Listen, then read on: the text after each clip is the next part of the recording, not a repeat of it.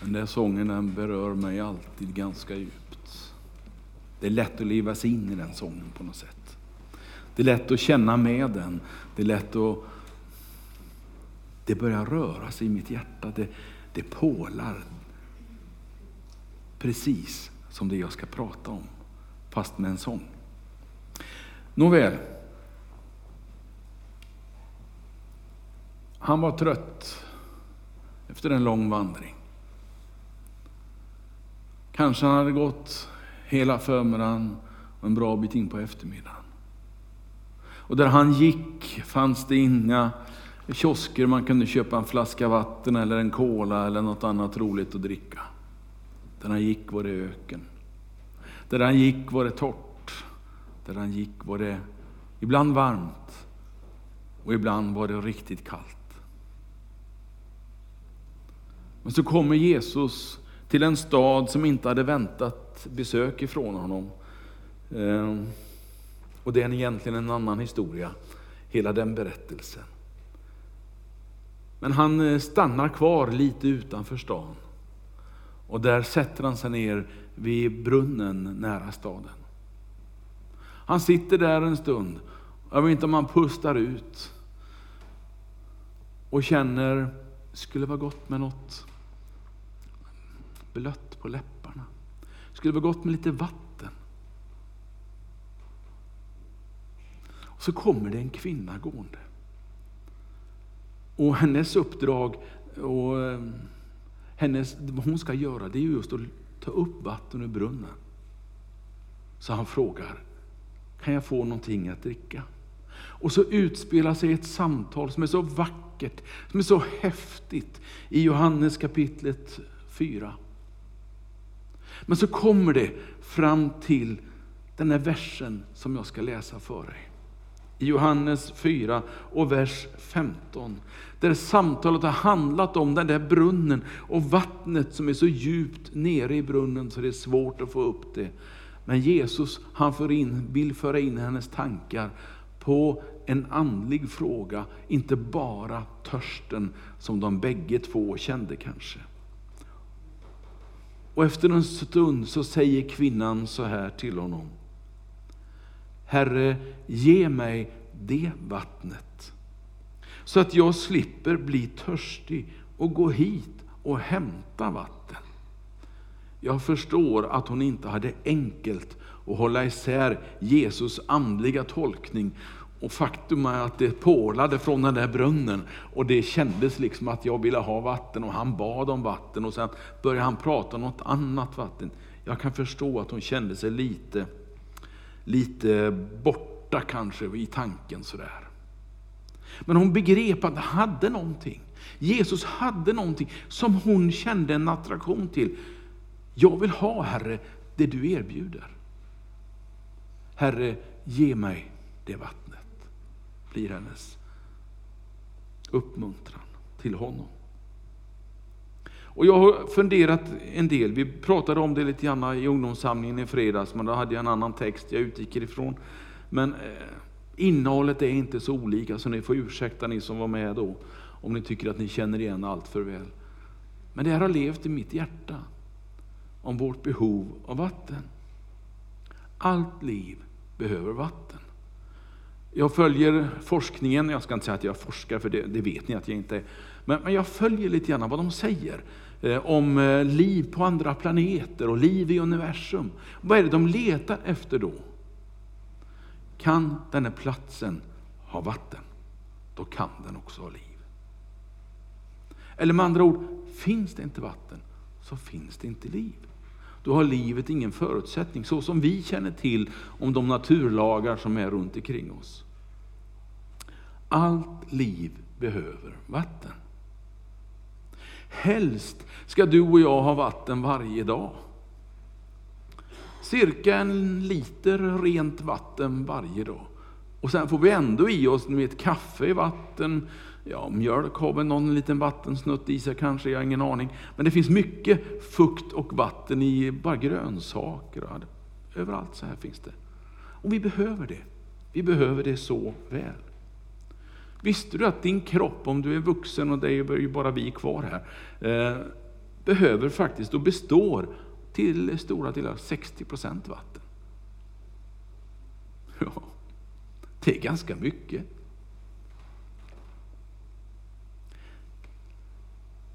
Så drick mycket vatten. För din kropp behöver vatten. Men du, det stod någonstans när jag satt och läste eh, och googlade på det här. Drick inte för mycket vatten. För då kan till och med bli, bli dålig av det. Ja, det var eh, läkare som skrev om det där. Att det, är du törstig? Man blir ju det, eller hur? Alltså jag har förberett också lite vatten här förstår du. För när man pratar så är det gott ibland. Mm. Det är gott med vatten. Jag behöver vatten. Så det är vad min predikan kommer att handla om. Mina tankar kommer att handla mycket om vårt behov av vatten. Och sen, vad kan det tänkas mena in i vårt liv som troende, som kristna, som eh, medlemmar i en församling? Den här brunnen som Jesus stannade vid, Jakobs brunn, Källan hittades av faktiskt Jakob, ett barnbarn till eh, vår far Abraham. Han eh, var far själv till Josef, ni vet Josef i Egypten som jag har hört så många berättelser om. Han som var med om, om plågorna och han som var med om och gjorde fantastiska saker för egyptierna i Egypten. Den här brunnen den är 30 meter djup. Cirka 2,3 meter, hur om ni har mätt det, men det står så. 2,3 meter bred. Och ändå är bilden jag såg på den ganska liten, men det var bara toppen på brunnen. Det kan vara djupt och brett under. Den var försvunnen faktiskt väldigt länge. Återfanns för 300 år sedan ungefär. Men eh, det är tre och ett halvt tusen år sedan Jakob fann brunnen. Och den blev kallad för Jakobs brunn. När Jesus talar i kapitel 4 så talar han om ett levande vatten. Det är hans uttryck för att inte blanda för mycket ihop med ett glas vatten. Jag ska ta lite till.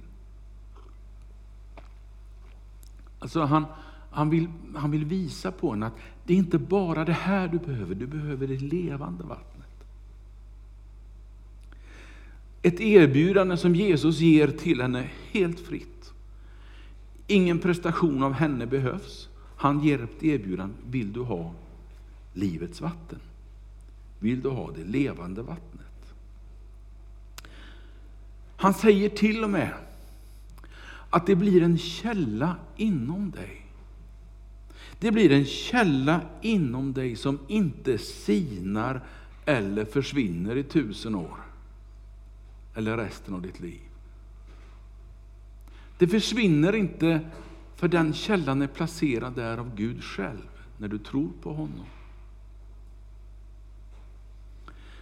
Han säger till och med, han tar i ännu mer, det är som det blir din egen källa. Här inne. Tänk att ha alltid den där vatten, vet man är ute och vandrar då har man ju vatten lite så här i flaskor och ja, man dricker ganska mycket, man svettas om det är mitt i sommaren. Och man behöver mycket vatten. Tänk att ha vattenkällan inom sig. Liksom. Jag tycker det, det, det är ett sånt häftigt uttryck som Jesus ger henne en bild på någonting som kommer genom tron på honom in i en människas liv. Du kan hämta det vattnet utan att behöva gå en halv mil eller en mil utanför stan för att komma åt det. Du behöver inte ens gå till kranen. Det finns inombords. Vattnet som erbjuds, jag börjar fundera på vad har Jesus för grund för att säga det här? Och det finns några citat längst bak i Bibeln som jag gärna vill nämna i det här sammanhanget. Vi ska se om vi kan hitta Uppenbarelseboken, Bibelns sista bok. Och de sista kapitlen där, kapitel 21 och vers 6 tänkte jag. Det här är i slutet av berättelsernas berättelse, själva bibelbokens avslutning. Och I de sista kapitlen där så, så är det som om, om Johannes får en vision av hur det ska bli när allt är avslutat en gång och liksom Guds värld blommar ut till fullo. Och då säger Johannes att eh, eh, han, som tronen, han som sitter på tronen säger i vers 6. Det har skett. Jag är A och O, begynnelsen och änden. Och så kommer det. Åt den som törstar ska jag fritt ge ur källan med livets vatten. Ah, vad gott! Den följer mig till och med på något sätt in i evigheten. Jag behöver inte leva en dag om jag inte vill utan den. Och till och med in i evigheten. Om vi bara tar några verser före där. Ska vi se. Nej, förlåt, efter 22 kapitlet och första versen. Och så står det, och han visade mig en flod med livets vatten. Klar som kristall, som utgår från Guds och Lammets tron. Det är min källa. Det är där jag hämtar vattnet som pålar i mitt hjärta. Det är från Guds tron det kommer. Från hur, vilken, alltså jag fattar ju inte det här, jag har ju sett en och annan vattenledning. Men, men nej, det här begriper jag inte. Men vet du vad? Jag behöver inte begripa. För det handlar om tro. Det handlar om någonting som jag får liksom omfamna utan att ha full kunskap om. Men så många har levt före mig. Så många lever tillsammans med mig som vittnar om, jag har den källan. Och det är en god källa. Jag rekommenderar den källan. Sök den källan. Få den källan i ditt liv. För den utgår från Guds tron. Och det är som en hel flod. Jag har stått vid de stora floderna i Europa. Jag har korsat dem några gånger. Jag har stått vid floderna, älvarna uppe i Norrland. Jag är uppvuxen vid en älv utanför Göteborg, där Göta älv och Nordre älv skiljs åt. Jag har varit nere och fiskat i den älven, men det skulle ingen ha gjort på den tiden, för det var smutsigt värre i vattnet. Men det här, det är en älv, en flod med kristallklart vatten. Gjort för dig och mig och våra behov. Så när hon säger till honom, Herre, ge mig det vattnet. Då är det som om det väcks till liv inom henne, någonting så superviktigt. Så när väl den där floden, källan börjar påla i hennes liv, då vänder alltihopa i det samtalet. Och hon säger, ja, jag måste in till stan. Och så berättar hon, jag har mött en man. Och vad hon sa, det vet jag inte. Men jag kan ju ana, för hela stan kommer rörelse. Och sen sa de, ja, nu har vi träffat honom själv. Vi förstår. Nu tror vi för hans skull och inte bara dina ord. Vad kan det här ge dig och mig idag? Vad betyder det för oss idag? Ja, Jesus han säger faktiskt, eh, jag tror inte att vi har det här förberett, jag, jag läser det ändå, du behöver inte vara orolig som sköter tekniken här nere. Jag ska bara läsa det lite kort. Johannes 7, 38-39. Det är två versar. Lyssna ska du få höra. Den som tror på mig, säger han, som skriften säger det, ur hans innersta ska strömmar av levande vatten flyta fram. Och detta sa han om anden. Som de skulle få som trodde på honom. Anden hade nämligen inte kommit än, eftersom Jesus ännu inte hade blivit förhärligad. Det kanske inte är H2O som ska påla här inne.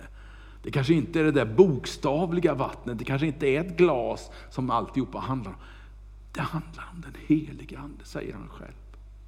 När han vill förtydliga budskapet till både kvinnan och till de som lyssnade i Salomos pelargång några kapitel efter kapitel 4. När han möter oss i kapitel 7 istället och undervisar om livets vatten. Då säger han, det är den helige Ande.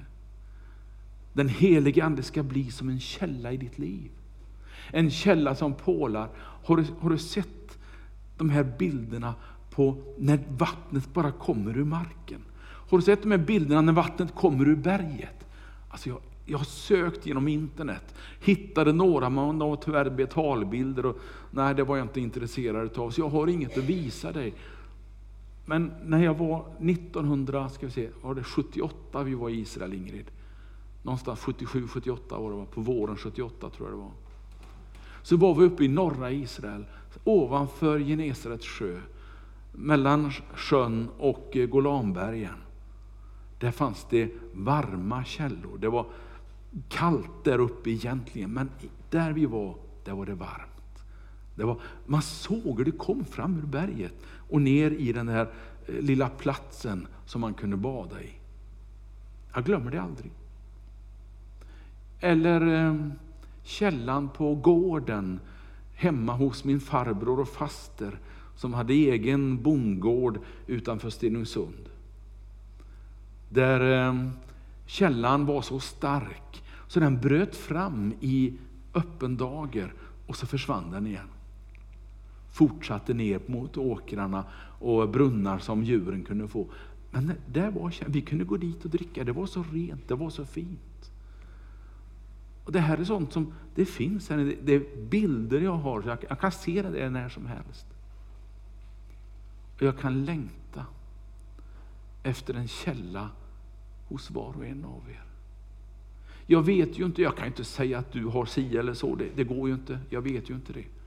Men vet du, en källa av levande vatten, av liv ifrån Gud själv, det är ett erbjudande. Och jag önskar så att du skulle ta emot det. Du behöver inte förstå det, du behöver inte bli teolog. Det gör ingenting om du blir det, för det är bra. Men du måste inte vara det. Du måste inte kunna förklara det för någon arbetskompis här. Du kan få uppleva det.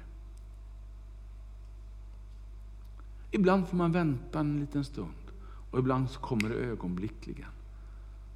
En kontakt med himmelens Gud som ibland kan dessutom kännas rent bara fysiskt. Inte så att man blir blöt av vatten, inte det jag menar. Men inuti kan det kännas, ja, Gud finns. Jag har kontakt. Jag får be. Jag får sjunga om honom. Han är en källa i mitt liv. Och jag tror att det här behöver du och jag när allting går väl. Vi behöver det när allting funkar i vårt samhälle, i våra liv. När du mår bra. Vi behöver den källan då också. Men vet du, när livet går i stå, när livet sätter halt, när livet blir jobbigt, räntorna stiger bara rätt upp i taket, de har ju inte gjort det än, men lite i alla fall, någon liten del av någon procent har det stigit. Det kanske blir värre, vad vet jag? När krigen kommer närmare och närmare.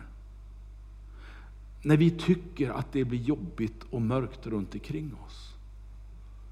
Då finns det en källa djupt där inne. Som påminner om Gud i ditt liv. Som påminner om att du har kontakt med himmelens och jordens skapare. Som ingen annan kan ge dig. Bara den helige Andes källa i ditt hjärta. Jag har mött människor som har sagt till mig att jag har tackat nej till den helige Ande, men jag vill gärna tro på Jesus. Och jag säger, ja, lycka till. Men det är inte så enkelt ska du veta. Jag kan ju inte tvinga någon, men jag kan bara vittna om mitt eget liv och det liv som så många med mig har levt. Och ni vet väl att den rörelsen i kristenheten som växer snabbast har alltid med den heliga Ande att göra. Jag säger inte att det är pingstkyrkan som växer mest. För den helige Ande är mycket större än pingströrelsen, än vår pingstkyrka här i Tibro, än vår pingströrelse i Sverige. Det finns en väckelse som sträcker sig långt utanför våra gränser, som en gång började, i modern tid i alla fall, när den började, på Azusa Street i Los Angeles, USA, i tidigt 1900-tal. Och som spreds som en löpeld. Och idag så är det det, det som det växer fortast. Det är i Afrika, det är i Asien. Det är inte i Europa och Amerika där det växer fortast. Och nästan alltid så finns den där beröringen genom den heliga Ande med i spelet. Det finns alltid en källa som man kan hänvisa till, som är samma källa som du och jag har här. Och därför ska du inte vara rädd eller orolig att prata om den heliga Ande. För även om inte alla begriper, så tror jag att passionen runt omkring den heliga Ande kan bli vittnesbörd nog. Det är ju så att även om jag inte begriper allt om ishockey, så kan jag gilla Frölunda ändå. Ursäkta nu alla som har någonting annat, det är inte det jag är ute efter. Inte att kasta sten på någon sådär. Utan, Eh, jag, bara, jag gillar dem, jag är inte säker på att jag kan förklara varför. Det kanske har med att jag är från trakterna där, men då höll jag på Leksand när jag bodde där. Så att, ja. Men det här är någonting helt annat. Det här är något ännu djupare. Det är något ännu mer fantastiskt. Men jag kan fortfarande inte förklara allt om det, lika lite som jag kan hela laguppställningen i Frölunda. Det finns någon som heter Joel Lundqvist, det är det jag har koll på i princip. Men du måste inte förstå, men du får tro. Du får tro på honom. Och den andliga törsten som han talar om kan ibland få uttryck som tar dig långt ifrån kristen tro. Det finns många sådana möjligheter idag. Det finns många som lockar och säger, här är det bra, här är religionen bäst. Den här religionen funkar bra. Men den heliga Ande finns inte där. Källan finns inte där. Man försöker likna källan. Man försöker att se ut som källan. Man försöker att låta som om det kom ifrån källan, ifrån himmelen själv. Men i det långa loppet så för det vilse. Jag ska väl inte namnge en massa eh, vilsna källor. Det kanske inte är nödvändigt. Men jag vill ändå uttrycka en, liksom, en liten undran, varför inte söka det som är äkta och det som är rätt från början? Varför leta efter det andra, när det inte är lättare att tro på det? Det ger inte mer.